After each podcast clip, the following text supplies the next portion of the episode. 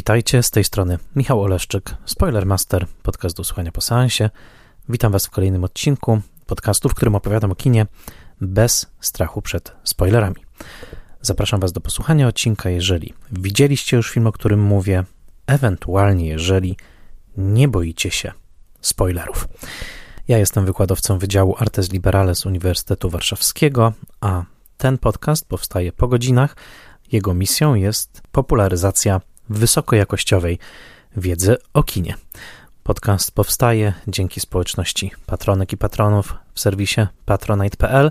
Serdecznie zachęcam do wspierania cotygodniowych odcinków ukazujących się w wolnym dostępie. Dziękuję wszystkim, którzy wsparli lub wspierają wciąż podcast Spoilermaster. Szczególnie dziękuję patronkom i patronom imiennym, to znaczy Agnieszce Egeman, Sebastianowi Firlikowi, Joannie i Dominikowi Gajom, Odiemu Hendersonowi, Beacie Hołowni, Adamowi Andrzejowi Jaworskiemu, Annie Jóźwiak, Tomaszowi Kopoczyńskiemu, Jarkowi Krauzowi, Bartoszowi Filipowi Malinowskiemu z profilu bez schematu, bez łamane schematu, Misiowi, Misiowej i Misiowi Juniorowi, Jakubowi Mrozowi, Iwonie Oleszczuk-Jaźwieckiej, Annie i Krystianowi Oleszczykom, Władimirowi Panfiłowowi, Tomaszowi Pikulskiemu, Weronice Więsyk, Jackowi Wiśniewskiemu, Michałowi Żołnierukowi, a także blogowi Przygody Scenarzysty prezentującemu analizy scenariuszowe. Dziękuję im wszystkim i zapraszam Was na szczególny odcinek. Szczególny, ponieważ jest to ostatni Spoilermaster przed coroczną przerwą wakacyjną. W sierpniu 2023 roku Spoilermaster odpoczywa, ale zanim uda się na odpoczynek, zostawia na Waszym progu tajemniczą paczkę, a w tej paczce znajdzie się film Gremliny rozrabiają. Film w reżyserii Joe Dantego z roku 1984, w oryginale Gremlins. To film, który dla wszystkich wychowanych na kinie lat 80. i 90. Y, na pewno zrobił duże wrażenie. Ogromny hit kasowy, największy hit kasowy w twórczości reżysera Joe Dantego i jednocześnie film, który znalazł się w ciekawym momencie, a w zasadzie ucieleśnił ciekawy moment, jeżeli chodzi o rozwój amerykańskiego kina dla młodzieży i o zmienne granice tego, co dopuszczalne, z tym, co niedopuszczalne w filmach dla młodych widzów. Film Gremliny rozrabiają miał swoją amerykańską premierę 8 czerwca roku 1984. Dokładnie tego samego dnia, kiedy konkurencyjna wobec Warner Bros. Columbia Pictures wypuściła na ekrany amerykańskie pierwszych pogromców duchów, a zatem Ghostbusters. Już samo to spotkanie na ekranach amerykańskich dwóch filmów, które łączyły w sobie elementy horroru i komedii, dwóch filmów, które staną się ogromnymi przebojami, nawet jeśli pogromcy duchów zarobią odrobinę więcej od gremlinów, było bardzo symptomatyczne dla gorącego lata roku 1984 w Stanach, kiedy to, jak wylicza krytyk Jim Hoberman, jednocześnie trwały przedbiegi do listopadowej reelekcji prezydenta Ronalda Reagana. Trwały także Igrzyska Olimpijskie w Los Angeles bez reprezentacji Związku Radzieckiego, albowiem był to szczytowy moment ostatniego aktu zimnej wojny, a na ekranach amerykańskich pojawiały się filmy w rodzaju Pogromców Duchów właśnie, Gremlinów i ciut wcześniej Indiany Jonesa i Świątyni Zagłady, a także Gliniarza z Beverly Hills, pierwszej części, która okazała się hitem roku i takich zimnowojennych, okołomilitarnych fantazji jak Czerwony Świt w reżyserii Johna Miliusa. Pierwszy film w historii amerykańskiej dystrybucji, który otrzyma kategorię wiekową PG-13, PG-13, której powołanie do życia ma dużo wspólnego właśnie z Gremlinami i właśnie z Indianą Jonesem i Świątynią Zagłady. Jakby tego było mało, lato roku 1984 rozgrywało się w Stanach Zjednoczonych w rytm piosenki Bruce'a Springsteena Born in the USA. W swoich słowach, dosyć krytycznej w stosunku do mitologii amerykańskiego sukcesu i szczęścia, ale jednocześnie zaprzęgniętej do patriotycznej retoryki spod znaku Ronalda Reagana. Połowa lat 80. w kinie amerykańskim to czas, kiedy tak zwane kino nowej przygody spod znaku Lucasa i Spielberga święci ogromne triumfy, a w zasadzie można powiedzieć, że jest już dominującą siłą. Jesteśmy wszak po premierach Imperium kontratakuje i powrotu Jedi. Na ekrany weszły już aż dwie części przygód Indiany Jonesa, a już wkrótce pojawią się takie tytuły jak chociażby Goonies. Na tle tych filmów pełnych efektów specjalnych, kierowanych przede wszystkim do nastolatków, a jednocześnie uwodzących nie tylko całą Amerykę, ale także cały świat, nawet ten znajdujący się wówczas jeszcze za żelazną kurtyną, nawet jeżeli odbywało się to z odpowiednim opóźnieniem. Otóż na tle tego kina nowej przygody film Gremliny rozrabiają Joe Dantego był zdecydowanie czymś jednocześnie nowym, świeżym i trochę niepokojącym, a z drugiej strony był głęboko zakorzeniony w tym kinie, także dzięki producenckiemu błogosławieństwu niejakiego Stevena Spielberga, którego nazwisko otwiera cały spektakl. W czerwonych literach wypisane mamy bowiem Steven Spielberg Presents. Film Gremliny rozrabiają, który na polskie ekrany wejdzie dopiero w roku 1986, był od początku w Stanach Zjednoczonych odczytywany jako jednoczesna apoteoza kina Spielbergowskiego i dość mocna polemika z tym kinem. Film, który jednocześnie aktywował postać słodkiego aż do przesady stworka z innego świata, Tutaj mowa oczywiście o Mogłaju imieniem Gizmo, który musiał kojarzyć się ze słodkim i wielkookim E.T., królującym w amerykańskich kinach zaledwie dwa lata wcześniej, o którym nagrałem oddzielny odcinek Spoilermastera, a z drugiej strony był to film zaludniony przerażającymi gremlinami w liczbie co najmniej kilkudziesięciu, które przejmowały całą drugą połowę filmu i dokonywały bardzo krwawych i często bardzo makabrycznych czynów, między innymi mordując kilku członków ludzkiej obsady tego filmu na różne, jednocześnie makabryczne i dowcipne sposoby. Zawieszenie gremlinów pomiędzy światem komedii i fantazji dla nastolatków, a światem dość mocnego horroru jest główną cechą tego filmu, cechą, która do dzisiaj fascynuje i jednocześnie cechą znaczącą pewne napięcie charakterystyczne dla całej dekady lat 80., dekady z jednej strony naznaczonej konserwatywnym reganowskim powrotem do wyidealizowanej Ameryki małych miasteczek, idealnych rodzin, uśmiechniętych dzieci i szczęśliwych rodziców, a z drugiej strony dekady naznaczonej chciwością korporacyjną, dominacją Wall Street i tzw. Tak japich, no i oczywiście natężeniem napięcia zimnowojennego, które gdzieś w tle cały czas groziło tykającą atomową bombą. W samym środku owej dekady zatem otrzymujemy film rozrywkowy, film, który kosztował stosunkowo niewiele, bo 11 milionów dolarów, a przyniósł na całym świecie około 200 milionów. Był zatem ogromnym hitem. Jednocześnie film, który zachwycając młodą widownię zarówno swoim szalonym i niegrzecznym humorem, ale także dużym ładunkiem grozy, wprowadził rodziców tejże widowni w niemałą konfuzję i troskę odnośnie tego, co ich pociechy oglądały na amerykańskich ekranach. Dość powiedzieć, że niemal w kilka tygodni po premierze Gremlinów amerykańskie Stowarzyszenie Producentów Amerykańskich MPAA postanowiło wprowadzić nową kategorię wiekową PG 13, mocno ostrzegającą przed treściami, które mogą być nieodpowiednie dla dzieci poniżej 13 roku życia. O tym filmie Wam dzisiaj opowiem, jednocześnie sięgając po swoje własne wspomnienia, ponieważ gremliny rozrabiają to jeden z filmów, który został przeze mnie najwcześniej nagrany na kasecie wideo.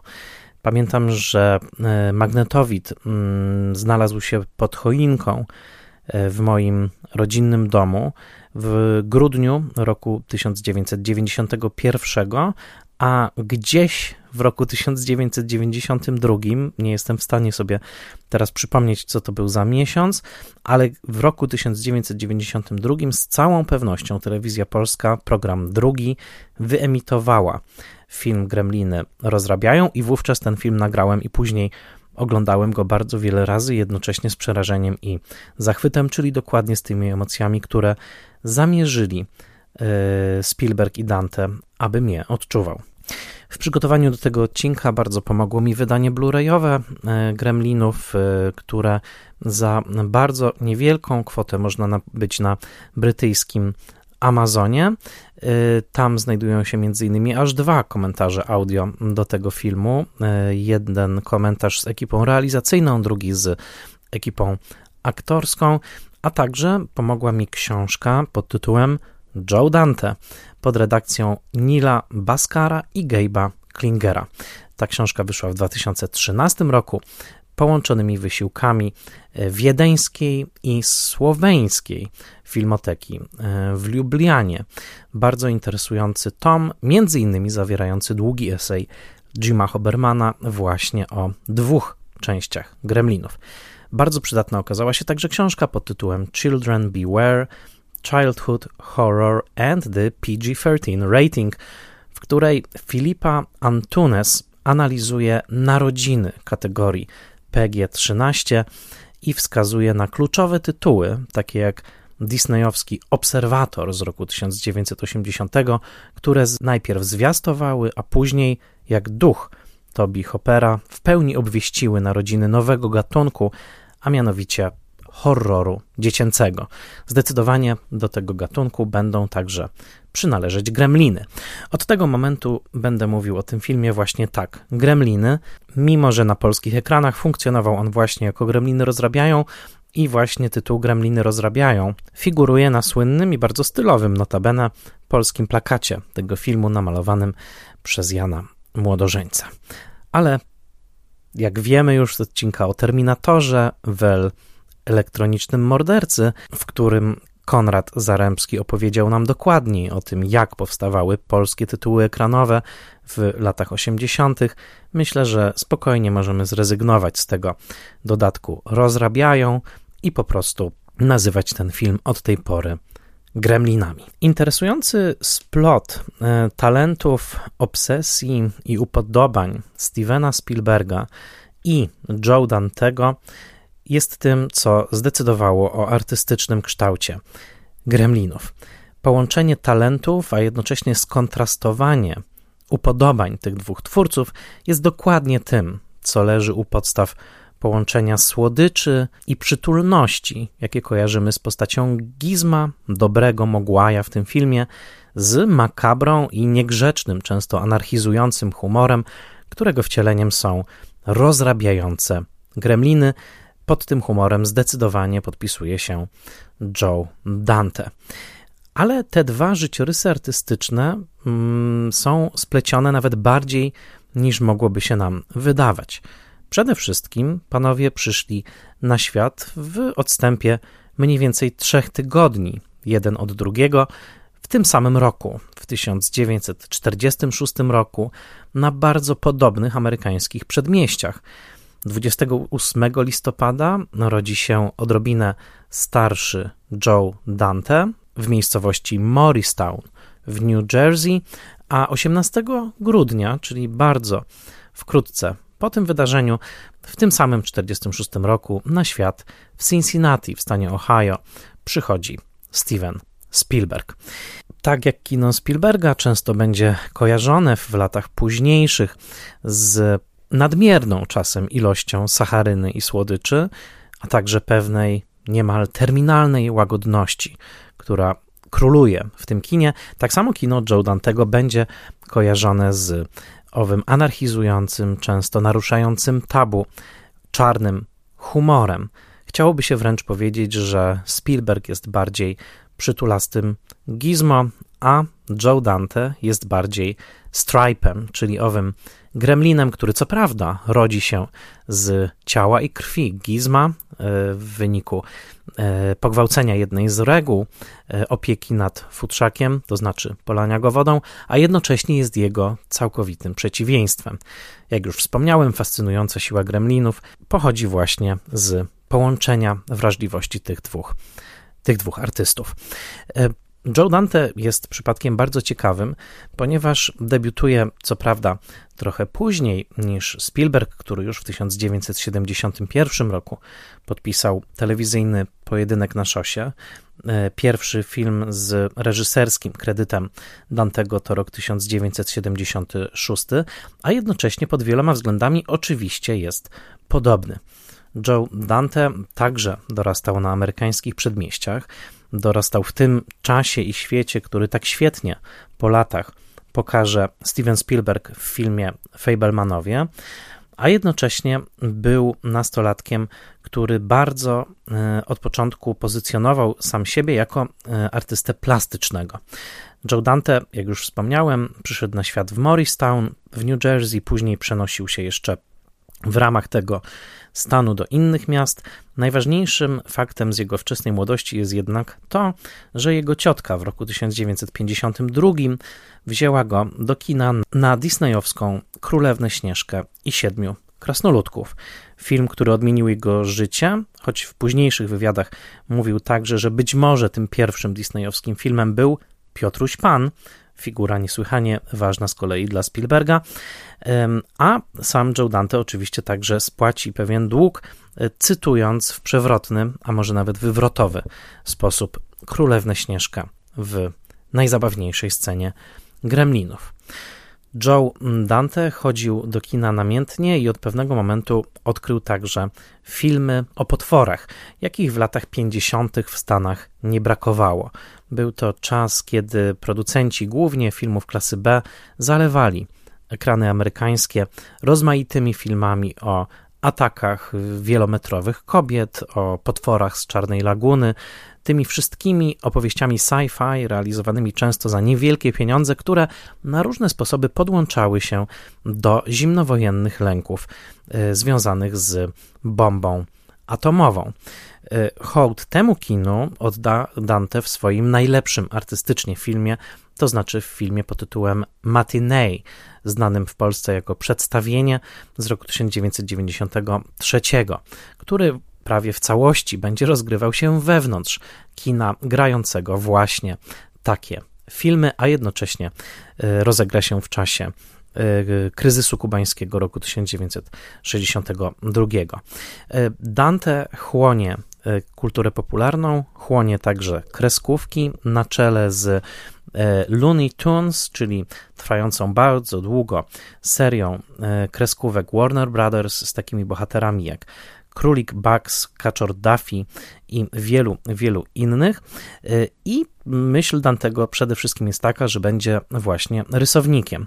Już w wieku kilku lat mm, Dante przygotowuje y, za pomocą pudełka do butów rodzaj amatorskiego wyświetlacza do filmów dla własnego brata i tworzy długie, długie papierowe rolki, na których to rysuje kolejne, cudzysłów, klatki opowiadanej historii, będące w istocie rodzajem horyzontalnych, rozpisanych na wiele aktów komiksów.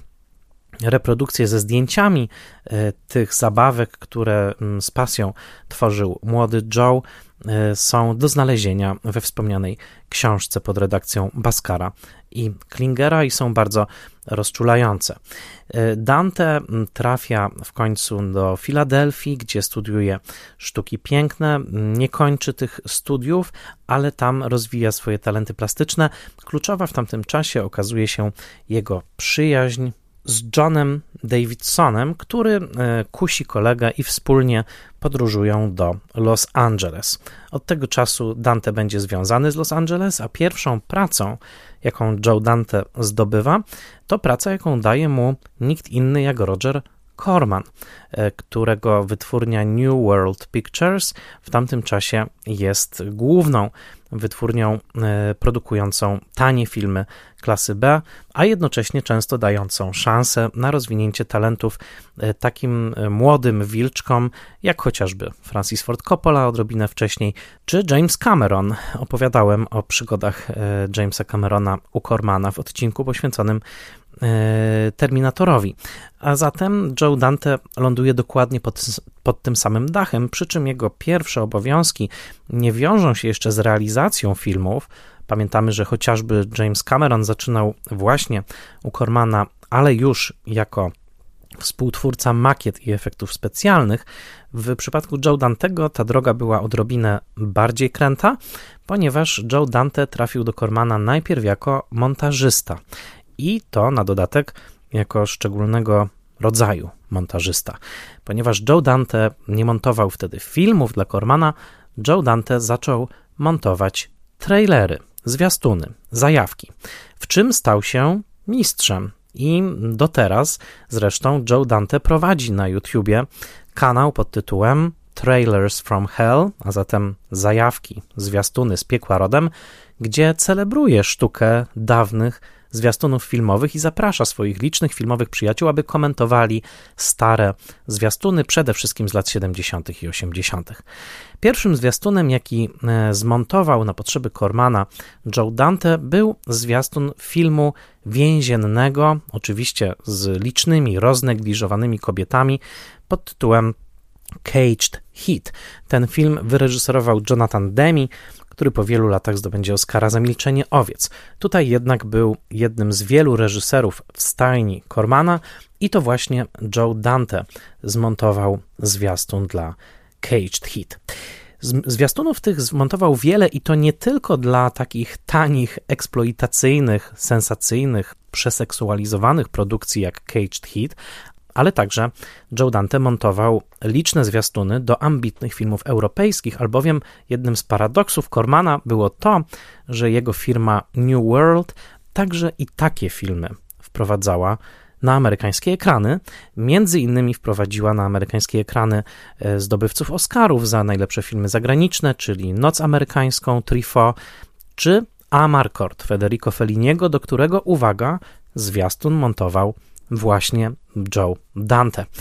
Po latach Joe Dante powie o swoich doświadczeniach montowania zwiastunów, że były one, cytat, niebywale edukacyjne. Aby zmontować dobry trailer, trzeba umieć uważnie obejrzeć film i wybrać z niego nie tylko to, co najcenniejsze, ale także to, co buduje jego fabularny przebieg. Koniec cytatu. Innymi słowy, aby dobrze opowiedzieć film w dwie minuty, używając fragmentów tegoż filmu i oczywiście dodając elementy takie jak napisy czy narracja z zakadru, montażysta zwiastunu musi bardzo dobrze wgryźć się w materię i opowiadanie filmu, którego trailer następnie ma stanowić reklamę. Można więc powiedzieć, że e, wytwórnia Cormana była rodzajem szkoły filmowej dla Joe Dantego i on sam zresztą o tym miejscu dokładnie tak mówił. W tym samym czasie poznał on jeszcze jednego montażystę, mianowicie Alana Arkusza i w kluczowym momencie panowie zaproponowali Cormanowi pewien deal. Mianowicie e, chcieli oczywiście wyreżyserować film, postanowili zrobić to wspólnie i zwrócili się do szefa z prośbą, przyjmującą jednocześnie formę pewnego zakładu, mianowicie chcieli podjąć się zrealizowania najtańszego filmu w historii e, produkcji Cormana. E, budżet filmu pod tytułem Hollywood Boulevard, ponieważ koniec końców ten film tak się właśnie będzie nazywał, wynosił zaledwie 60 tysięcy dolarów i był rzeczywiście najtańszą produkcją studia. Przy czym Joe Dante i Alan Arkusz postanowili wykorzystać doświadczenia Dantego z montowania zwiastunów kormanowskich i, uwaga, wzbogacić fabułę filmu Hollywood Boulevard fragmentami innych produkcji Kormana, wmontowanymi tak zmyślnie, że czasami nawet widz może się nie zorientować, że te fragmenciki pochodzą z zupełnie innych kormanowskich produkcji. A zatem jeden kormanowski film, który za pomocą bardzo umownej fabuły, e, o, mm, zresztą poświęconej kręceniu kina klasy B, jednocześnie wmontowywał różne atrakcje w rodzaju wybuchających e, pojazdów, wyścigów, oczywiście także na gości. Wszystko to już gotowe, już zaczerpnięte z gotowej Kormanowskiej Biblioteki. Był to e, bardzo e, obiecujący, zwłaszcza jeżeli chodzi o kreatywne sposoby na oszczędzanie budżetu, debiut Joe Dantego, podpisany właśnie z Alanem arkuszem. Film nie odniósł dużego sukcesu. Joe Dante winił m.in. tytuł e, właśnie za to, ponieważ był jego zdaniem zbyt mało sensacyjny, nie zwiastował filmu Kormanowskiego, ale mimo to film zrobił wrażenie na szefie, na tyle duże, że Joe Dante otrzymał zlecenie numer dwa, mianowicie na Piranie z roku 1900 78, która, należy powiedzieć to wprost, miała być rodzajem niskobudżetowej podróbki Szczęk, niejakiego Stevena Spielberga. Scenariusz filmu został wypolerowany przez Johna Salesa, tutaj bardzo inteligentny pisarz, scenarzysta, później także reżyser, jeden z najbardziej szanowanych twórców późniejszego amerykańskiego kina niezależnego e, i jednocześnie mm, twórca, który e, prowadził mm, intelektualny dialog z Dantem jak równy z równym. I film Pirania okazał się bardzo dużym sukcesem studia Kormana. E, pomimo oczywistych korzeni w szczękach, pomimo bardzo bezwstydnego sięgnięcia po gatunek, w którym natura mści się na człowieku, film był tak sprawnie zrealizowany, z takim dowcipem i biglem, że okazał się po prostu dobry w swoim gatunku. Notabene tutaj także ciekawe splecenie się losów Joe Dantego i Jamesa Camerona. Pamiętamy przecież, że James Cameron zaczynał także u Cormana od filmu pod tytułem Pirania 2. I tutaj już pojawia się w tle Steven Spielberg, mimo że Joe Dante wtedy jeszcze tego nie wiedział. Mianowicie Steven Spielberg obejrzał Piranię i mimo że Universal, studio, e, w którym powstały Szczęki, już szykował pozew, e, chcieli pozwać Kormana za plagiat, nie byłoby to zresztą całkowicie bezpodstawne, Steven Spielberg podniósł rękę i powiedział nie, e, ten film jest niezły, tutaj widać prawdziwy talent, odczepcie się od tego filmu Pirania. Bardzo ciekawy gest kogoś, kto zdecydowanie mógłby wtedy zarobić na takim pozwie, a jednak patrząc na film Pirania i widząc ewidentne ślady talentu Joe Dantego, Steven Spielberg postanowił, że nie będzie e, szukał żadnych prawnych satysfakcji. To był tylko pierwszy sygnał, przy czym on jeszcze nie dotarł do Joe Dantego osobiście wtedy, że Spielberg umieszcza Dantego na swojej, powiedzmy, watchliście, takiej liście nazwisk, którym należy się przyglądać. I kiedy w 1981 roku wszedł na ekrany kolejny film Joe Dantego, już z dużo, dużo większym budżetem i nierealizowany dla Cormana, film pod tytułem Scovid, The Howling, nowoczesne przetworzenie filmu o wilkołaku z bardzo pionierskimi efektami specjalnymi, e, których opiekunem był Rob Bottin. Odsyłam do odcinka o coś Carpentera, tam więcej jest o Botinie. Y, otóż, kiedy ten film wszedł na ekrany, zrobił także duże wrażenie na Spielbergu. Przy okazji okazał się y, całkiem dużym y, kasowym hitem. Scenariusz tego filmu zresztą też napisał John Sayles. Spielberg na tyle polubił Scovid, że po pierwsze postanowił obsadzić główną aktorkę tego filmu, czyli Dee Wallace w roli matki w powstającym właśnie filmie Spielberga pod tytułem E.T., a po drugie postanowił dać szansę reżyserską Joe Dantemu, który podpisał ten film. I tutaj dokładnie pojawia się y, tytuł Gremliny, ponieważ tym scenariuszem, który Spielberg chciał, żeby Joe Dante zrealizował, były właśnie Gremliny. E, swoistą rozbiegówką był krótki film, który Dante zrealizował dla Spielberga w ramach filmu Strefa Mroku z roku 1983. Ten e, segment tego nowelowego filmu opartego na dawnym serialu z lat 50. i 60. nazywał się To dobre życie e, i stanowił rodzaj satyry na dzieciaki wychowane na telewizji w której główny bohater, młody chłopiec, całkowicie kontroluje wszystko, co dzieje się w jego domu i wszystkie e, czynności swojej rodziny, e, tak jakby e, kontrolował ich pilotem do telewizora. Produkcja Strefy Mroku okazała się produkcją przeklętą. Trzy osoby zginęły na planie tego filmu, co prawda na planie e, nowelki reżyserowanej przez Johna Landisa. Ta tragiczna historia zresztą powinna być tematem osobnego odcinka Spoilermastera. Faktem jest jednak, że w recenzjach często powracał motyw, że to właśnie nowelka wyreżyserowana przez Dantego, także z niesamowitymi efektami Roba Bottina, który odtworzył twory rodem właśnie z kreskówek Warner Brothers z lat 40. i 50., że to właśnie ta część jest najlepsza. Faktem jest jednak, że głównym zadaniem dla Joe Dantego w ramach firmy producenckiej Spielberga, czyli Amblin Entertainment, która miała zawartą umowę dystrybucyjną z Warner Bros., była właśnie praca nad Gremlinami.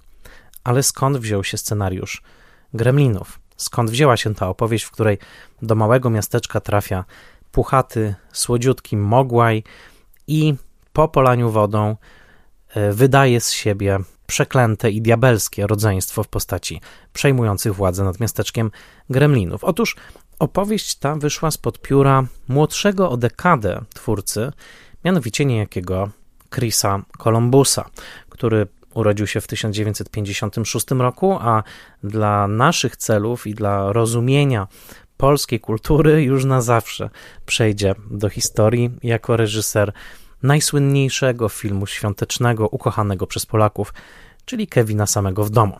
Kevin sam w domu to będzie rok 1990. Tymczasem scenariusz Gremlinów napisał Chris Columbus w momencie jeszcze na początku lat 80., kiedy to był studentem e, w szkole filmowej w Nowym Jorku, Tisch School of the Arts, to część Uniwersytetu Nowojorskiego i tam zamieszkiwał na początku lat 80., w tym raczej sypiącym się Nowym Jorku, który możemy kojarzyć chociażby z filmów Jima Jarmusza wczesnych, zamieszkiwał w budynku gdzieś na środku Manhattanu, który, jak sam mówił później, był pełen myszy i szczurów.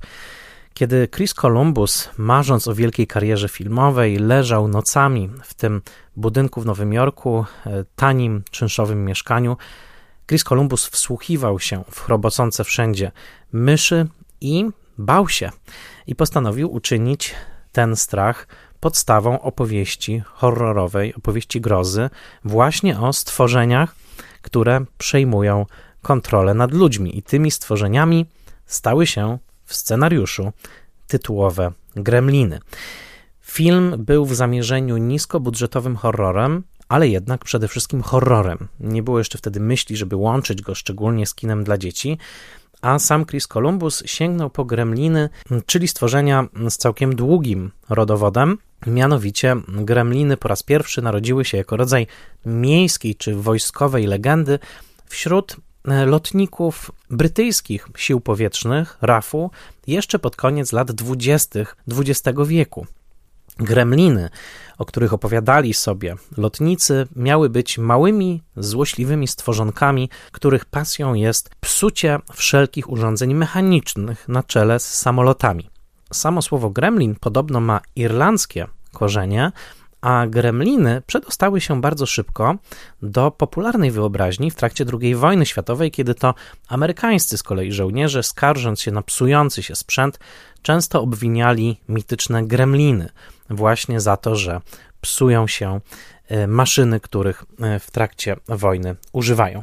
W 1943 roku Roald Dahl, późniejszy autor Williego Wonki i Fabryki Czekolady, napisał książkę o gremlinach, Właśnie. Co więcej, już w latach 40. powstała także kreskówka Looney Tunes pod tytułem Falling Hare, czyli spadający zając, w której to królik Bugs zmagał się na pokładzie samolotu ze złośliwym gremlinem. Zresztą y, już y, w jednej z nowelek tworzących przeklęty film Strefa Mroku, w tej nowelce, którą wyreżyserował George Miller, także pasażer samolotu grany przez Johna Lithgowa skarży się na to, że na skrzydle samolotu siedzi gremlin. A zatem gremliny nie były autorskim pomysłem Chrisa Columbusa, były raczej wykorzystaniem pewnego ludowego niemalże wierzenia, pewnej właśnie mitycznej e, legendy e, i przetworzeniem tej legendy w opowieść o inwazji gremlinów na małe amerykańskie miasteczko. W momencie jednak, kiedy to Steven Spielberg zainteresował się tą opowieścią, postanowił on nadać jej trochę inny charakter, a mianowicie postanowił, że Gremliny będą fuzją kina familijnego z podznaku E.T. właśnie z horrorem. I można powiedzieć z perspektywy czasu, że lepszej osoby do tego zadania niż właśnie Joe Dante yy, Spielberg znaleźć nie mógł. Joe Dante z jednej strony miał znakomite wyczucie i umiłowanie makabry, a z drugiej strony miał niezwykle, niezwykłe poczucie humoru, a także lubił bawić się kinem. Jeszcze zanim trafił do Cormana w latach 70., razem ze swoim przyjacielem Johnem Davidsonem zmontowali siedmiogodzinną orgię filmową, Movie Orgy, tak się nazywał ten performance, myślnik film, w którym przemontowali setki fragmentów ze starych filmów klasy B, reklam, filmów przemysłowych i edukacyjnych, tak aby wydobyć z nich cały absurd i niezamierzony humor tych produkcji. Tak zresztą Dante zarobił swoje pierwsze większe, większe pieniądze, jeżdżąc od kampusu do kampusu e, i wyświetlając orgię filmową przez 7 godzin e, publiczności, która była nie tylko politycznie radykalna, ale także często pod wpływem rozmaitych psychodelików. Innymi słowy, jeżeli ktoś miał się już bawić formą i zestawiać ze sobą tak pozornie niepasujące puzzle jak Mocna Makabra i szalony humor z podznaku Mad Magazine, e, to właśnie powinien być to Joe Dante, miłośnik filmowych potworów, publikujący teksty w takich e, pismach jeszcze jako nastolatek, jak chociażby Baszta Frankensteina, a z drugiej strony e, fan kreskówek, fan e, Looney Tunes i fan Chucka Jonesa, którego zresztą obsadzi w Gremlinach. Główny bohater Billy Pelzer uczy się na naszych oczach rysunku od samego Chucka Jonesa, który pojawia się e, na kilka sekund na ekranie. Wybór zatem był znakomity, ale Spielberg domagał się mocnych zmian scenariuszowych. Przy czym jedna zmiana scenariuszowa nie tylko przeszła do historii, ale jednocześnie chyba może służyć jako najlepsza destylacja i streszczenie całego Spielbergowskiego światopoglądu. To znaczy, jeżeli ktoś szukałby takiej kropli, w której odzwierciedla się całe moralne uniwersum Stevena Spielberga, to zdecydowanie e, tą kroplą będzie ta decyzja, którą teraz opiszę. Mianowicie w scenariuszu Columbusa e, to puchaty gizmo, czyli właśnie ów mogłaj, słowo z kantońskiego oznaczające diabła, przekształcał się na naszych oczach w Stripa, czyli w tego złego gremlina, który następnie staje się morderczy. Innymi słowy, w oryginalnym scenariuszu Columbusa jest to jedna i ta sama postać, która przechodzi dramatyczną transformację. Na początku jest puchata i kochana, a później staje się mordercza. Jest to cały czas ta sama postać, którą na końcu trzeba zabić. Spielberg powiedział nie. Gizmo musi pozostać miły i dobry do samego końca. Stripe, czyli ów zły gremlin, e, właściwy antagonista całej opowieści, co prawda powstaje z włochatej kulki, która wyskakuje z pleców Gizma w momencie, kiedy ten przez przypadek zostaje polany wodą, ale jednak jest od niego oddzielnym bytem i na końcu to Gizmo, pociągając za sznurek rolety w centrum handlowym, wystawia Stripa na działanie morderczych promieni słonecznych, innymi słowy, zabija swoje mroczne alter ego. Ale te dwa byty przez cały film są całkowicie rozdzielne. Gizmo pozostaje dobry, zalękniony, miły, puchaty i kochany, a Stripe jest od początku zły, morderczy i nie do odkupienia. Innymi słowy, coś, co w głowie Chrisa Columbusa zakrawało na pomysł jak z doktora Jekylla i Mr. Hyda, innymi słowy, na pomysł fabularny, wedle którego w jednej istocie może spotkać się i to, co najlepsze, i najbardziej kochane i ciepłe, i to, co najgorsze, najbardziej brutalne i mordercze, zostaje przez Spielberga całkowicie odrzucony na rzecz wizji bardziej dualistycznej, manichejskiej, w której to, co dobre, pozostaje dobre i nieskalane, a to, co złe, jest całkowicie oddzielne od tego, co dobre. Różnica jest, bez wahania użyję tego słowa, kosmiczna i jednocześnie wskazuje dokładnie na to, co Spielberg tak bardzo kultywuje w swojej twórczości, to znaczy mocne oddzielenie postaci złych od postaci dobrych. Zachowując wszelkie proporcje, ale nawet oglądając listę Schindlera i patrząc na to całkowite przeciwstawienie sobie Oscara Schindlera i Amona Geta w tym filmie, czyli takiego yin i yang, siły jasnej i siły mrocznej, e, widzimy, że Spielberg ma bardzo, bardzo silnie wdrukowany taki pomysł właśnie, że jeżeli bohater, jeżeli widz kogoś lubi, to ta postać musi pozostać dobra do samego końca, nie może przejść na ciemną, e, na ciemną stronę.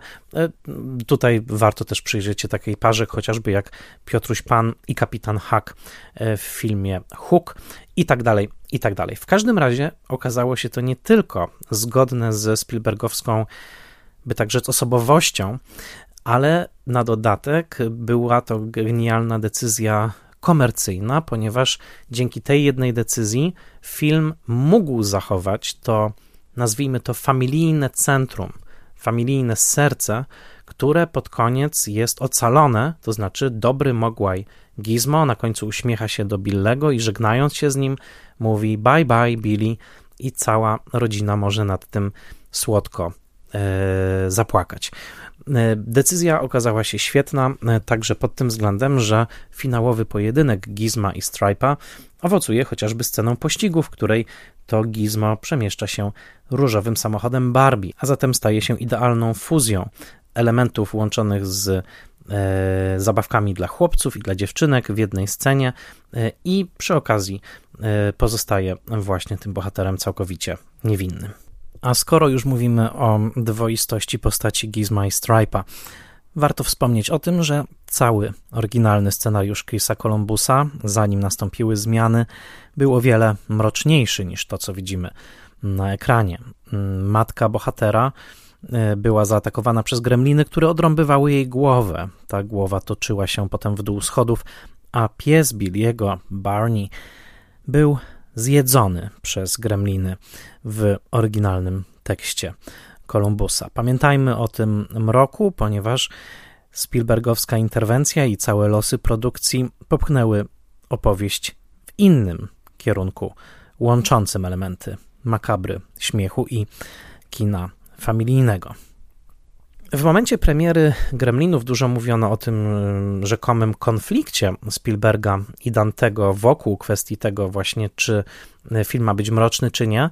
Natomiast obydwaj panowie to bardzo konsekwentnie i przez wiele lat y, prostowali. Nie było konfliktu twórczego między Spielbergiem i Joe Dantem. Mimo, że Joe Dante w naturalny sposób ciągnął bardziej w stronę tych mrocznych efektów, to jednak Spielberg stanął po jego stronie i bronił go niejednokrotnie przed e, szefami wytwórni Warner Brothers, którzy między innymi chcieli wyciąć tak mroczne sceny jak ta, w której Kate, e, dziewczyna Billego, grana przez Phoebe Cates, e, wspomina śmierć swojego ojca w trakcie świąt Bożego Narodzenia, kiedy to udusił się w kominie w stroju świętego Mikołaja, w trakcie tego, jak chciał zaskoczyć mamę i córkę swoim pojawieniem się jako Mikołaja.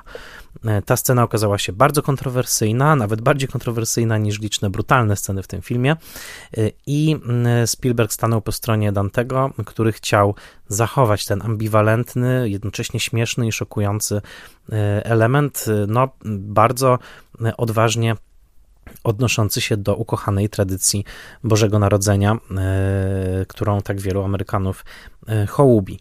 Spielberg także e, bronił Dantego w tych decyzjach, kiedy były projektowane złe gremliny i kiedy one rzeczywiście dokonały, dokonywały rozmaitych przekroczeń. W pewnym momencie, kiedy wytwórnia bardzo silnie naciskała na wycinanie kolejnych gremlinów z tego filmu, E, Spielberg powiedział: Może wytniecie wszystkie gremliny i po prostu nazwiemy ten film Ludzie. I wtedy oni troszkę się wycofali i wizja Joe Dantego została e, została uszanowana. E, to warto pamiętać, ale też warto pamiętać, że ten film powstały w roku 1984 pod względem wizualnym jest jednym z takich ostatnich mohikanów, jeśli chodzi o efekty specjalne. No bo żeby ta wizja dobrego, ukochanego, puszystego Mogłaja, który potem zmienia się w oślizgłego, gadziego gremlina, mogła nas i rozbawić, i przestraszyć, tak jak to się dzieje w tym filmie, no to oczywiście musi to być wizualnie przekonujące. Rok 1984 to czas, kiedy kino dopiero zaczyna flirtować z efektami komputerowymi. Przełomowym filmem pod tym względem będzie późniejszy młody Sherlock Holmes, czyli Piramida Strachu, ze słynnym komputerowym efektem e, rycerza schodzącego z e, witraża. E, to był efekt, który właściwie zrewolucjonizował amerykańskie kino. Także rewolucyjne były transformacje ukazane w filmie Willow Rona Howarda, ale tutaj w Gremlinach, i to bardzo ważne, warto pamiętać o tym, kiedy oglądamy ten film, mamy wciąż do czynienia z takim kinem, w którym właściwie wszystkie efekty, które widzimy na ekranie, zostały faktycznie, fizycznie zainscenizowane przez samych twórców.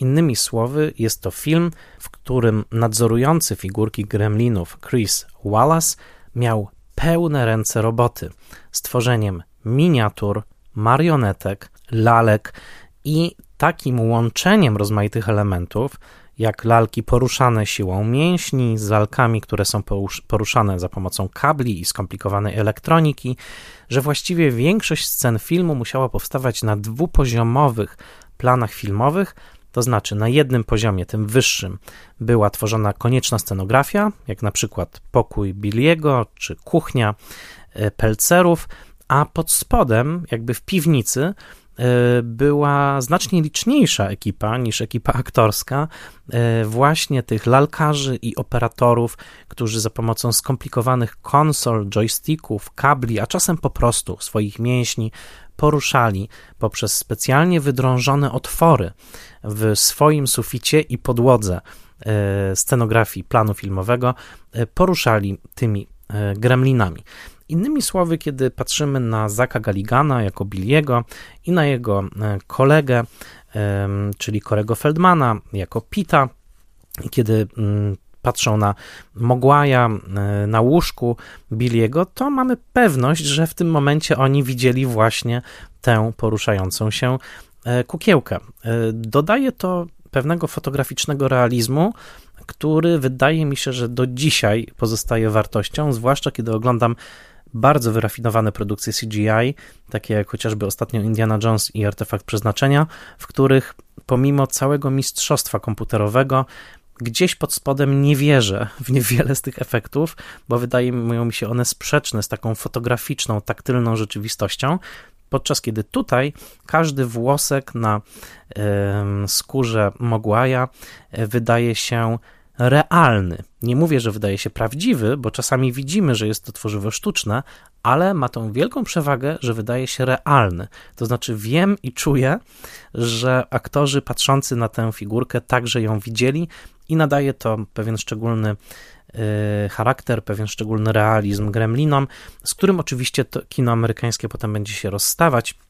Symbolicznym rokiem okaże się rok 1993, kiedy Steven Spielberg wypuści na ekrany Park Jurajski, film, którego reżyserię Joe Dante odrzucił w pewnym momencie, e, między innymi dlatego, że chciał pokazać szefa Parku Jurajskiego, jak pana Hammonda, jako e, złą postać, no a tutaj wkroczył ten Spielberg, który jednak ocalił pana Hammonda jako kogoś dobrego, ale także te, w tym 93 roku na ekrany wejdzie Matinee, czyli najlepszy film Joe Dantego, E, takie pełne nostalgii pożegnanie ze światem tradycyjnych efektów specjalnych, tam reprezentowanych przez e, film o wielkich morderczych mrówkach, który na naszych oczach oglądają zachwyceni widzowie w postaci chłopców z Florydy roku 1962. Chris Wallace, który stworzył gremliny na potrzeby tego filmu, rzeczywiście dokonał tutaj cudów, bo zwróćcie tylko uwagę na to, w jaki sposób Mogwai, czyli Gizmo, dyskretnymi różnicami w oprawie oczu, w rysunku ust, różni się od swoich złych braci. Nawet zanim staną się oni oślizgłymi zielonymi potworami, e, mimika e, gremlinów w tym filmie jest mistrzowska i powstawała w serii odrębnych zbliżeń realizowanych na większych maskach gremlinów, ale przez cały film mamy poczucie ogromnej realności tych postaci, a także dużej plastyczności. To znaczy tego, że złe gremliny także różnią się między sobą i e, co więcej, e, są sympatyczne w jakiś dziwny sposób. E, na pewno zyskują sobie naszą sympatię, mimo że jednocześnie budzą nasz strach, co jest tutaj osiąg ogromnym osiągnięciem. Koordynatorem prac nad efektami specjalnymi w filmie był Robert McDonald, który miał już wówczas dekady doświadczenia na koncie. Dość powiedzieć, że pomagał w animowaniu latających małp w Czarnoksiężniku z Oz z roku 1939, a zatem spokojnie możemy mówić o gremlinach jako o takim ostatnim, wielkim, rozpisanym na wiele głosów śpiewie tradycyjnych efektów specjalnych opartych na efektach fotograficznych, mechanicznych, fizycznych, zanim CGI zacznie przejmować na dobre Hollywood i kto wie, czy właśnie scena, w której ponad 50 gremlinów nie ogląda e, Królewny Śnieżki i Siedmiu Krasnoludków w kinie, jednocześnie niszcząc projektor i rozwalając to kino, ale też świetnie się bawiąc, zwłaszcza w trakcie piosenki hej ho, hej ho, do pracy by się szło, no ta scena jest już absolutnym majstersztykiem, w którym wydaje się, że faktycznie ożywiono te wszystkie stworzenia. E, sam Dante wspomina kręcenie tej sceny jako absolutną ekstazę, kiedy wszyscy dosłownie na planie byli zaangażowani w rozmaite, czasem trudniejsze, czasem łatwiejsze zadania przy animowaniu gremlinów. A ponieważ jest to scena mm, warstwie audio zdominowana przez muzykę z filmu Disneya, to jest to dobry moment, żeby także ukłonić się twórcy z kolei muzyki do Gremlinów, ponieważ mm, Jerry Goldsmith, który tutaj skomponował znakomitą muzykę, właśnie łączącą elementy grozy i cyrkowej niemal zabawy, jest zdecydowanym współtwórcą sukcesu całego filmu. The Gremlin Rag, e, melodia gremlinów, która e, towarzyszy wybrykom e, gremlińskim w Kingston Falls, e, ustawia ton tego filmu na równi z efektami specjalnymi i na równi z tym, co wyczarowała ekipa Chrisa Walesa, a zatem należy o tym pamiętać, właśnie o wkładzie Goldsmitha, który także znalazł odtwórczynię głosu Gizma w scenach śpiewanych. O ile w scenach mówionych Głosu użyczył Howie Mendel, do dzisiaj występujący komik. O tyle w scenach, w których Gizmo cudownie śpiewa, wystąpiła znajoma e, dziewczynka Goldsmitha, której piękny śpiew usłyszał on w trakcie wizyt w swojej synagodze. A zatem nie tylko efekty Chrisa Walesa, ale także muzyka Jerego Goldsmitha. Pamiętajmy o niej mówiąc o e, gremliny rozrabiają. Chris Wallace dostanie Oscara, niestety nie za ten film, e, dostanie Oscara za efekty w musze Davida Cronenberga, a Gremliny doczekają się dobrych recenzji. E, fanką filmu okaże się m.in. Pauline Kael z New Yorkera, ale nie tylko, ponieważ bardzo prestiżowy magazyn amerykański Film Comment niemal snobistyczny, często w swoich gustach, umieści gremliny na okładce numeru z czerwca roku 1984 i poświęci Joe Dantemu bardzo duży materiał pod tytułem Piekło Dantego, Dante's Inferno.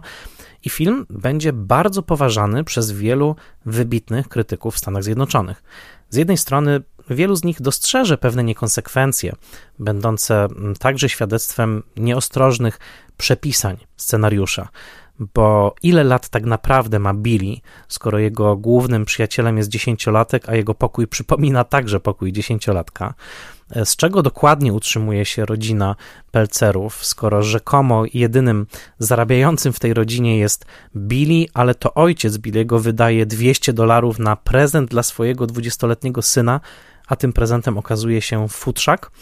E, dużo jest tutaj takich niekonsekwencji i e, także postaci, które zostają trochę zapomniane w trakcie filmu, jak chociażby postać złośliwego współpracownika zagranego przez Judge'a Reinholda, ale mimo tych niekonsekwencji cała wizja wykreowana w tym filmie została doceniona i przez Pauline Kael, i przez Jima Hobermana, i przez Davida Schuta, i przez wielu recenzentów tamtego czasu, e, którzy raczej krytycznie odnosili się do całej Spielbergowskiej rewolucji.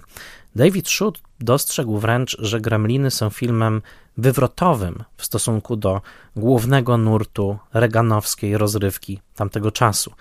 Jim Hoberman napisał, że cały film jest aktem radosnej desekralizacji amerykańskiego życia, w której zarówno Święta Bożego Narodzenia, jak i atomowa rodzina, jak i przedmieścia rodem z filmu Franka Capry e, na ekranie w pewnym momencie pojawia się fragment It's a Wonderful Life Capry właśnie. Wszystko to zostaje na naszych oczach systematycznie zniszczone i zaatakowane. Innymi słowy, gremliny są właściwym powrotem wypartego. To wszystko, co reganowska retoryka, skupiając się tylko i wyłącznie na słonecznej stronie amerykańskiego życia, chciała wyprzeć i zamieść pod dywan, w gremlinach powraca, powraca z przytupem. Pauline Kael, pisząc o tym filmie i pisząc o głównej złej postaci, czyli Stripe'ie, sięgnęła z jednej strony po e, analogię z diablentami z płócien Hieronima Boscha, ale z drugiej strony wskazując na scenę, która szczególnie ją zachwyciła, to znaczy scenę, w której Stripe wydmuchuje nos w piękną firankę wiszącą w oknie domu Pelcerów, Kale napisała, że w tym momencie Gizmo przypomina jej Budu, czyli bohatera zagranego przez Michela Simona w filmie Budu Zwód wyratowany Jeana Renoira z roku 1932.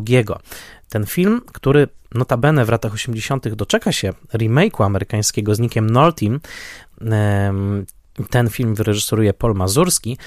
Otóż ten film od zawsze był pewnym symbolem celebracji buntu przeciwko burżuazji, przeciwko klasie średniej.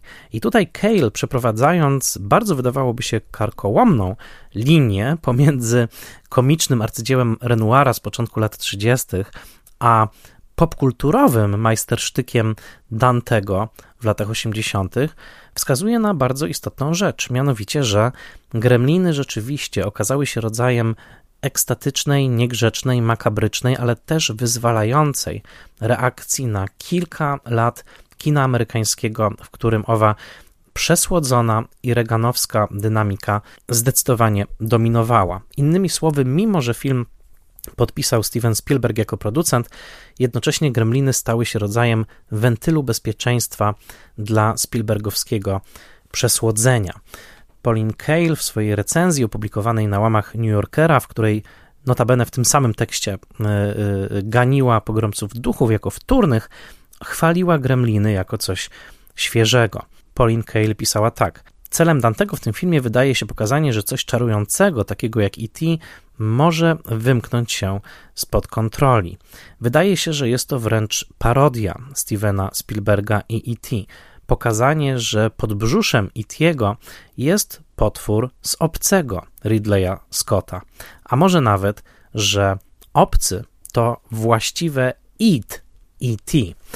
Id to oczywiście freudowskie określenie na to wszystko, co wyparte, na wszystkie pożądania, które są kulturowo nieakceptowalne, ale ta metafora właśnie id, E.T. jako gremlinów powtarza się w wielu tekstach, także w tekście Szuta. Cale opisując scenę e, wspólnego oglądania Królewny Śnieżki, a przecież o czym wspomina z kolei Hoberman, Disney to także amerykańska świętość, może nawet świętsza niż Boże Narodzenie. Otóż Cale pisze o tej scenie jako o filmowym poranku dziecięcym w piekle. E, porównuje w innym momencie, mianowicie w scenie, w której e, Stripe wskakuje do basenu notabene w siedzibie YMCA, a zatem Young Men Christian Association, wskakuje do basenu i tym samym zaczyna się mnożyć i mnożyć i mnożyć. Otóż Cale porównuje tę wizję bulgocącej, rozbłyskującej na zielono wody z wizjami piekielnymi Williama Blake'a. Te porównania są ciekawe o tyle, że w tekstach amerykańskich recenzentów tamtego czasu znać zdecydowanie pewną ulgę, mianowicie po sacharynowych latach Spielbergowskiej i około Spielbergowskiej rozrywki, którą nawet oni często chwalili, Cale entuzjastycznie pisała o E.T., najwyraźniej pojawiło się wrażenie, że jest tego za dużo, że kino to stało się zbyt grzeczne, zbyt przesłodzone, zbyt puchate.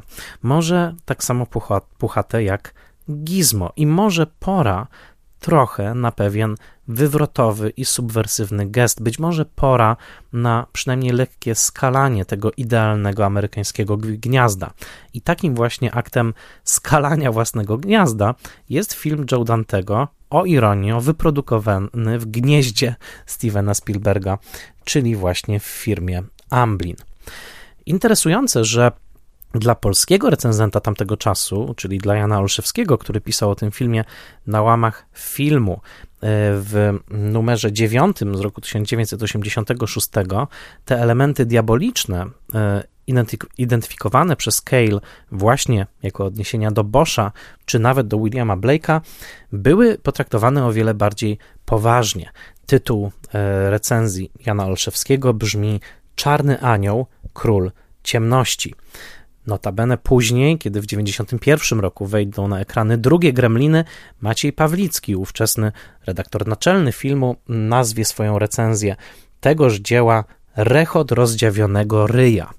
A zatem gremliny mogły się wydawać niezbędną korektą nazbyt wypolerowanych reganowskich lat 80. w Stanach, ale w Polsce wydały się czymś być może bardziej niepokojącym, zwłaszcza obserwatorom, którzy w tamtym czasie mieli więcej niż 30 lat.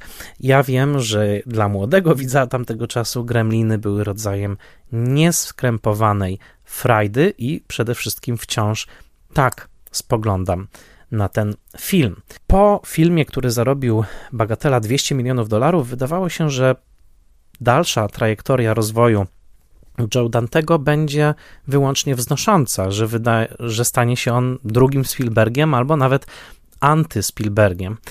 Jednak ta trajektoria okazała się bardziej skomplikowana. Późniejszy rok film Badacze Kosmosu, The Explorers, mimo że dziś kultowy, okazał się finansową porażką, a studio, które w międzyczasie doświadczyło zmiany reżimu na najwyższych szczeblach, e, wypuści ten film na ekrany niemal nieukończony.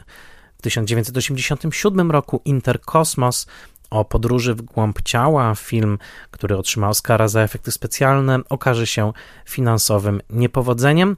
I w roku 1989 Dante podpisze The Burbs, czyli czarną komedię na przedmieściach z Tomem Hanksem, która co prawda dziś jest absolutnie kultowa, ale wówczas także była traktowana jako finansowa rozczarowanie.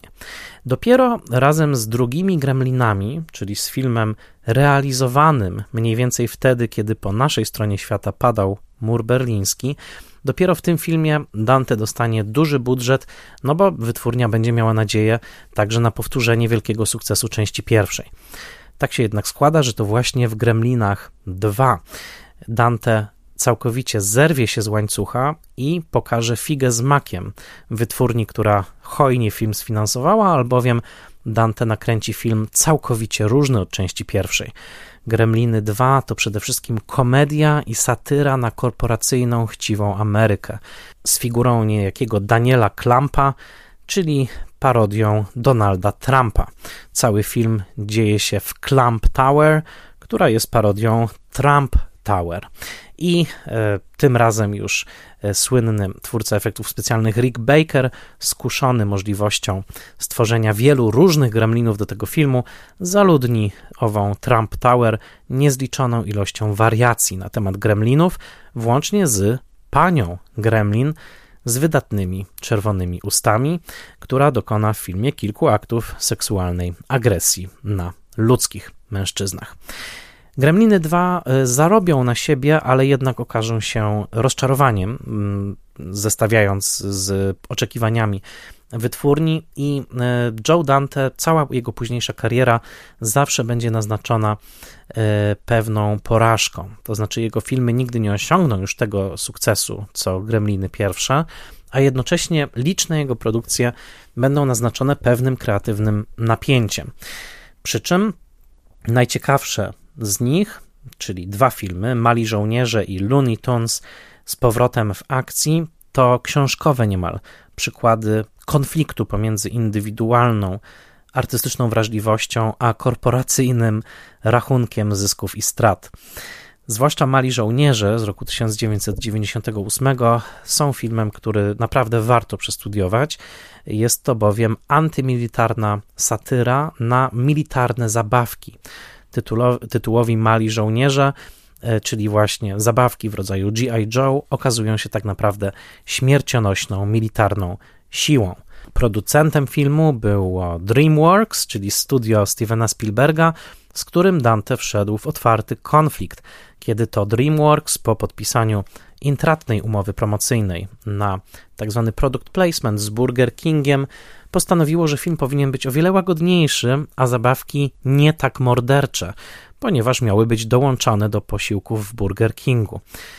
Powstał film Pęknięty, który do końca nie może się zdecydować, jak bardzo złe są zabawki przedstawiane na ekranie, i jednocześnie film o o wiele bardziej antywojennej wymowie niż współczesny z tym filmem Szeregowiec Ryan Stevena Spielberga.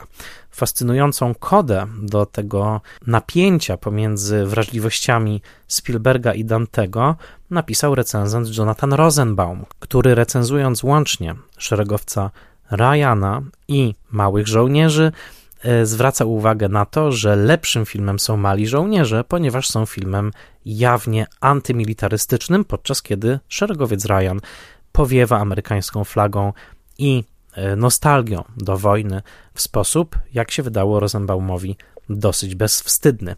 A zatem owo zarzewie konfliktu czy różnicy między Joe Dantem, które tak ożywiło Gremliny, nawet ujawniało się w 1998 roku przy zestawieniu tych dwóch filmów. Na pewno najbardziej nieszczęśliwym w realizacji filmem dla Dantego później okażą się Looney Tunes e, Back in Action, to znaczy połączenie filmu aktorskiego z postaciami Looney Tunes. Z jednej strony wydawało się, że to będzie projekt jego życia, ponieważ no, cała jego kariera mm, była nasycona e, hołdami dla Chucka Jonesa. Planował on nawet film biograficzny o nim, Termit Terrace ale jednak okazało się, że wytwórnia była nastawiona na coś zupełnie innego. Dążyli, żeby film przypominał bardziej kosmiczny mecz z Michaelem Jordanem i e, regularnie ukrócali te dowcipy, na których najbardziej zależało w filmie e, Dantemu. W momencie, w którym nagrywam e, ten odcinek, Dante ma już ponad 76 lat i pytaniem otwartym pozostaje, czy zrealizuje swój wymarzony projekt, jakim jest film biograficzny o Rogerze Cormanie, pod tytułem Mężczyzna z kalejdoskopem zamiast oczu. Ten scenariusz, przepisany w pewnym momencie także przez Michaela Almereyda, e, jest wciąż mm, gotowy.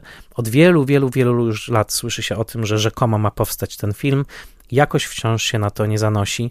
Szkoda, ponieważ ta opowieść o Kormanie, który kręci psychodeliczny film The Trip, mogłaby być w moim przekonaniu podsumowaniem drogi twórczej Dantego, który nie tylko oddałby hołd temu producentowi, który jako pierwszy dał mu szansę, ale jednocześnie pokazałby paradoksalny moment w historii lat 60., kiedy to kino eksploitacyjne i kino polityczne, a Joe Dante od pewnego momentu jest bardzo politycznym twórcą, e, nieustannie krytykującym zamiłowanie Stanów Zjednoczonych do ruchów wielkomocarstwowych i militarnych.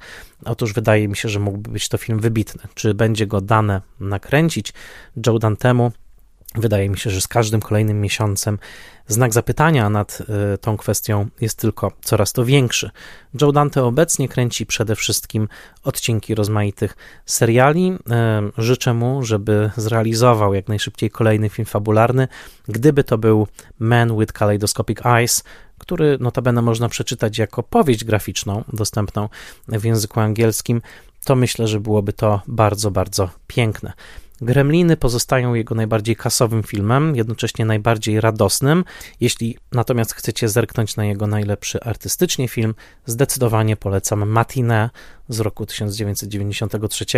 Jest to cudowny, miłosny list do kina, a jednocześnie film pokazujący zimnowojenne napięcia e, i krytyczny pod względem udziału amerykańskich wojsk w wojnie e, w Wietnamie. Ostatnie ujęcie z użyciem piosenki The Lion Sleeps Tonight nie pozostawia wątpliwości, że e, mimo e, faktu, iż Dante pozostaje rozkochany w Ameryce powojennej lat 50. i 60., jako tej krainie, w której wyrastał, w której zakochiwał się w filmowych potworach i w ogóle w świecie ruchomego obrazu, to jednocześnie ta sama Ameryka jest dla niego krainą głęboko skłamaną, pełną wewnętrznych napięć, takich chociażby, które potrafią się ujawnić w brutalnej i makabrycznie zabawnej dychotomii pomiędzy puchatymi mogłajami, a morderczymi gremlinami, które wbijają swoje pazury w pierś bohatera granego przez Zaka Galigana. Jako się rzekło, Gremliny po premierze były obiektem kontrowersji. Niektórzy recenzenci uznali, że jest to absolutnie za dużo, jeżeli chodzi o ów dziecięcy horror, którego wcześniejsze wcielenia, takie jak Obserwator, The Watcher in the Woods czy Duch, e, produkowany przez Spielberga, Poltergeist, były już obecne na ekranach i kilka tygodni po premierze Gremlinów wprowadzono kategorię PG-13, a zatem już nie tylko Parental Guidance, czyli ta kategoria, którą otrzymały i Gremliny, i Indiana Jones, i Świątynia Zagłady, obecność rodziców sugerowana, ale obecność rodziców mocno sugerowana, jeżeli dziecko ma mniej niż 13 lat. Pod tym względem gremliny zawsze pozostaną symbolem kulturowej przemiany i tego momentu, w którym najważniejszy producent amerykańskiego kina, czyli Steven Spielberg, rozpoznał obecność nowej rynkowej siły czyli tak zwanych pre-adolescents, e, już nie dzieci, jeszcze nie dorosłych, którzy chcą się poczuć jak dorośli, oglądając rzeczy skrojone pod ich gusta, a jednocześnie pozostawiające w ustach posmak czegoś bardziej dorosłego, zakazanego filmowego owocu. Gremliny także i pod tym względem okazują się jednym z kluczowych amerykańskich filmów lat 80. Myślę, że z perspektywy 40 już niemal lat od premiery, Gremliny pozostają przede wszystkim kawałem świetnie zrealizowanego kina, po drugie znakomitą gatunkową hybrydą, w której śmiech i strach splatają się w sposób naprawdę niezwykły i niecodzienny, a po trzecie filmem, który dzisiaj musi wywoływać nostalgię, ponieważ już nie kręci się filmów z takimi efektami specjalnymi, i kiedy tutaj patrzymy na rzemiosło Chrisa Wallace'a i jego kolegów, to patrzymy tak naprawdę na rękodzieło. I to też jest w tym filmie piękne, że będąc wcieleniem nowoczesnego kina w latach 80., obecnie jest już artefaktem rękodzielniczym, którego nie powtórzy żadna wytwórnia dzisiaj, ponieważ byłoby to zbyt kosztowne. My jesteśmy skazani, jeżeli nawet nastąpi powrót gremlinów w trzeciej części, a są plotki na ten temat, to przecież jeżeli Gremliny 3 powstaną, to będą to już Gremliny komputerowo animowane. Jeżeli chcecie poczuć tę różnicę, obejrzyjcie proszę reklamę napoju Mountain Dew, którą znajdziecie na YouTubie.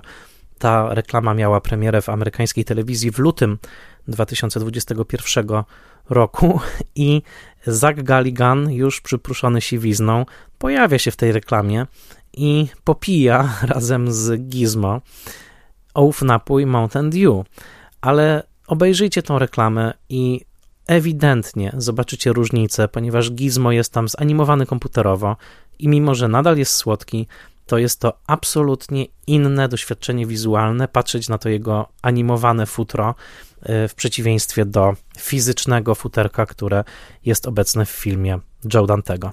Różnica między fotograficznym realizmem a realizmem fotorealistycznym CGI jest istotna i w moim przekonaniu wciąż wpływa na naszą kulturę wizualną. Na koniec dwa krótkie cytaty z współpracowników Joe Dantego. Pierwszym jest John Sayles, czyli scenarzysta Pirani i e, Skowytu, który mówił o tym, jakie miejsce zajmował Joe Dante w stajni Rogera Cormana i jak w ogóle powinniśmy patrzeć na tych wszystkich reżyserów, którzy z tamtej stajni się wywodzą. Wydaje mi się, że jest to piękne stwierdzenie, które w ogóle uchwytuje sedno tego, czym jest filmowe autorstwo. Sales y, w tomie Baskara i Klingera pisze we wstępie tak. Mimo, że wszyscy oni zaczęli od kręcenia filmów dla Rogera, to przecież film Francisa Coppoli nie jest filmem Jonathana Demiego, a film Jonathana Demiego nie jest filmem Petera Bogdanowicza, a film Petera Bogdanowicza nie jest filmem Montiego Hellmana, który z kolei nie jest filmem Joe Dantego. To nie jest kwestia tego, jakimi ruchami kamery każdy z nich się posługiwał. Jest to kwestia tego, w jaki sposób każdy z nich postrzegał świat, a raczej tego, jaki rodzaj świata postanawiali oni tworzyć i prezentować nam w swoich filmach.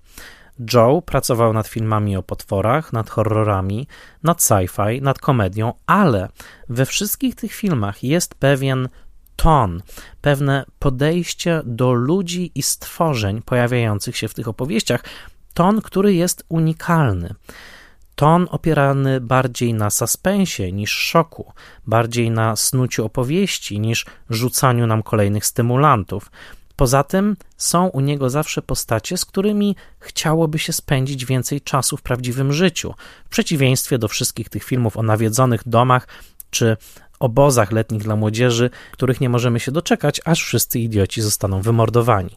To faktycznie piękny opis Joe Dantego, u którego lubimy wszystkie postaci, nawet te negatywne, jak ksenofob Dick Miller w Gremlinach. Swoją drogą Dick Miller to talizman, aktor talizman Joe Dantego, zagrał u niego we wszystkich filmach i był też bohaterem dokumentu Dead Guy Dick Miller.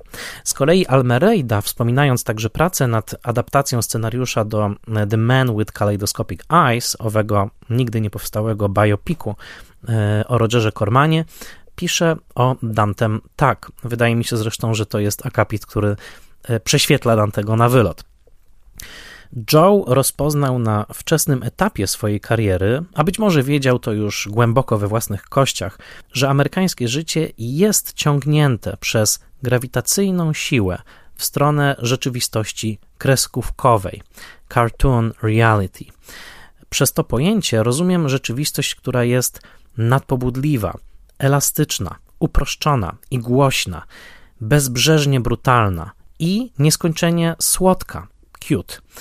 Rzeczywistość, która jest obiektem rzezi, ale która koniec końców opiera się zarówno bólowi, jak i ostateczności śmierci. Większość filmów Joe'ego odzwierciedla dokładnie tę kondycję, tę aspirację w sposób bezpośredni, wyolbrzymiony i, co najważniejsze, trafny. Nie jestem w stanie opisać tego lepiej, Poza tym, że jedna fraza, która padła w książce Baskara i Klingera, to znaczy radosna rozwałka, Sunny Destruction, też kojarzy mi się z filmami Joe Dantego. Y, zostawiam was zatem z tymi dwoma cytatami. Zostawiam was, was także z twórcą, który naprawdę w cudowny, osobisty sposób przetworzył tradycję kina amerykańskiego, kina klasy B, amerykańskiej kreskówki, komiksu, kina popularnego i wciąż tworzy, kiedy tylko ma szansę, kino bardzo osobiste, nawet jeżeli jest ono wpisane przede wszystkim w konwencję kina popularnego. Warto spojrzeć na Joe Dantego jako na jednego z wybitnych amerykańskich reżyserów. Na pewno jest to reżyser, na którego twarzy często na zdjęciach widzimy uśmiech, widzimy ciepło, i wydaje mi się, że jesteśmy mu zobowiązani, ponieważ z tym uśmiechem i z tym ciepłem podaje on nam często dania e, z elementami radosnej makabry, które tylko on potrafiłby upichcić w taki konkretny sposób. Brakuje takich głosów dzisiaj. Mam nadzieję, że Gremliny i inne filmy Dantego będą przez Was dalej oglądane.